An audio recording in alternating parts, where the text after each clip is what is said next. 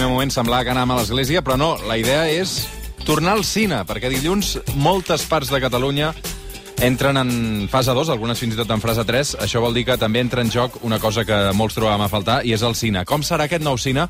Com es reinventen les sales? Ara a aquesta hora en parlem amb la Violeta Kovacic, que ella és crítica cinematogràfica i també professora de la UPF i de l'ESCAP. Violeta, què tal? Bon dia. Bon dia. Sembla que alguns cines aixequen la persiana per fi, eh? Sí, eh, sembla que també s'ha mica en mica, o sigui que eh, l'entusiasme eh, és important, però crec que també l'hem de posar una mica en context perquè serà, serà un procés, entenc, bastant, bastant lent. Què canviarà?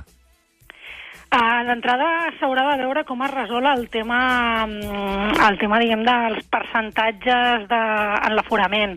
Crec que això serà, serà un dels temes claus. Uh, si tenim present que abans de l'estat d'alarma eh, es tractava d'un terç de l'aforament, no? Eh, però jo entenc que la idea de la majoria de cinemes és que com a mínim no, eh, puguin estar al, al 50% de l'aforament, la, de perquè si no, clar, hi ha un tema també, diguem, de eh, econòmic, no? de, de, de veure exactament si no com es pot, eh, com es pot sostenir l'apertura dels, dels cinemes. Mm -hmm. Ens estalviarem aquells eh, doncs, companys de butaca eh, pesats perquè haurem de deixar distància, entenc. És a dir, si tu hi vas acompanyat, m'imagino que sí que podràs seure amb, amb el teu acompanyant, però després amb, amb la resta de persones que, que no coneixes o que et trobes al cine sí que hi haurà butaques de distància, no? No, no tindràs algú al costat menjant llaminadures o crispetes. Sí, segurament aquesta, aquesta part eh, s'evitarà. Eh, igualment eh, el soroll, diguem, pot viatjar d'una butaca a l'altra, o sigui que crec que, que això igualment no ens ho estalviarem. Mm. Uh, en qualsevol cas, uh, clar, els cines deuen tenir una feinada, perquè totes les estrenes que, que, que estaven programades s'han anat aplaçant, no? Um, per tant, uh, també una feina uh, de la indústria a reprogramar totes aquestes estrenes que havien d'arribar a les sales aquests mesos i que ho han fet endarrerides. Sí, aquí, aquí jo crec que diguem, eh, estat també un dels eh, temes importants no, de, de la tornada eh, dels cinemes. D'entrada sí que és veritat que hi ha pel·lícules que s'han anat estrenant en, en plataformes no, al llarg d'aquest eh, període de confinament, mm, però com bé dius sí que és veritat que hi haurà altres pel·lícules que estava previst que s'estrenessin i que, que, que a veure què passa eh, amb aquests títols també per una altra qüestió, que és que en certa manera també el, el, la cartellera de l'estiu podríem dir que és bastant especial, no? Eh, no és exactament el mateix estrenar el juliol o l'agost que fer-ho al... Eh, a principis d'any... A l'octubre. Sí, sí, sí, sí. Eh, se suposa que aviam què passa, no? però hi ha una nova pel·lícula de Christopher Nolan que, que en principi s'ha d'estrenar eh, a l'estiu i que eh, havia de ser i se suposa que serà no? el gran blockbuster de, de l'estiu, però clar, això una mica també porta a pensar què passarà amb les pel·lícules potser més petites que s'havien d'estrenar mm, no? al, al maig, per exemple, i, i que no s'han no pogut veure. Sí que és veritat, com deia, que hi ha pel·lícules que, que s'han pogut estrenar en plataformes. Igualment, això jo crec que serà un problema, eh, i és un problema general que no, passa, no, no té a veure únicament amb, els, eh, amb les sales de cinema, sinó que es nota també en relació als festivals. Eh, fa dos dies el Festival de Cannes anunciava eh, una mena de llista de pel·lícules que portaran el segell eh, Festival de Cannes que s'aniran estrenant al llarg de l'any, però clar, ells compten que igualment faran una edició al 2021 en la qual hi haurà pel·lícules que estaven previstes per projectar-se al Festival de Cannes del 2020, o sigui que hi haurà un tap de, no, de pel·lícules que en principi s'havien de projectar ara aquest maig al, a Cannes i que s'estrenaran l'any vinent.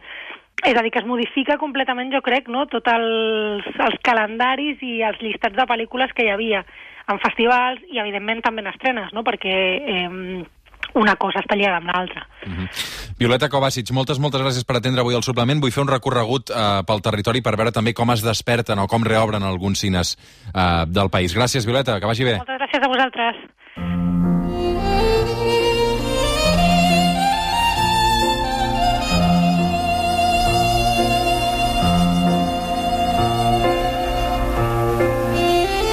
I aquesta melodia ens porta inevitablement a Cinema Paradiso, eh, inconfusible, que de fet serà la primera pel·lícula que es podran veure, en aquest cas, als Verdi de Barcelona. Adolfo Blanco, què tal? Bon dia. Hola, buenos días, ¿cómo estáis? L'Adolfo és el propietari del, del Verdi, fundador eh, de Contracorriente Films, eh, i heu triat aquesta pel·li tan meravellosa per, per posar fi a, a aquesta tragèdia també que ha estat el tancament durant tants mesos dels cines, eh? Bueno, la verdad que es, es algo que se nos, se nos eh, lo vimos claro que era una película que había que guardarla para este momento cuando, cuando abrieran los cines y no se, no se verá solo en el Verdi, se verá en, en cines de todo el estado, se verá por supuesto en, en, en los Verdis de Barcelona y de Madrid, pero, pero hemos, hemos mm, eh, propuesto y facilitado todo para que cualquier exhibidor que desee eh, auto-homenajearse con esta película tan maravillosa pueda hacerlo. Uh -huh. Además, en una, en una semana està en la, que, en la que han anunciado este premio importante para Morricone, no? Sí, i tant. Uh, escolta'm, i vosaltres com us ho fareu per, per reobrir? De quina manera uh, reobriran les sales del Verdi? Bueno, la verdad es que no hay que echarle mucha imaginación porque el dictado de los protocolos es bastante claro y nosotros pues haremos todo exactamente lo que dice el protocolo en cuanto a medidas de higiene. El espectador va a estar cómodo, pero como nunca, no solo porque habrá una distancia con los de al lado, que estará entre, entre dependiendo de la fase en la que Barcelona y Madrid estén en, a la hora de la apertura, pues será o de un tercio del aforo o de la mitad del aforo, según que sea fase 2 o fase 3, pero al margen de eso, pues la gestión de colas y todo, habrá menos sesiones, porque para evitar precisamente que haya aglomeraciones en el hall, etcétera. Y, y, bueno, la verdad... I la desinfecció de la sala, suposo, cada vegada que s'acabi una pel·lícula, ¿no? Totalmente. Y ahí tenemos ahora mismo a nuestro gerente, a, a Manel Núñez, que es un crack, que, que, bueno, que todo lo que se mueve por ahí de invento que vaya a hacer la vida más más agradable al espectador lo está implementando. Así es que yo creo que, que los Verdi que vamos a ver van a ser unos Verdi muy especiales y muy, muy, muy, muy, muy seguros.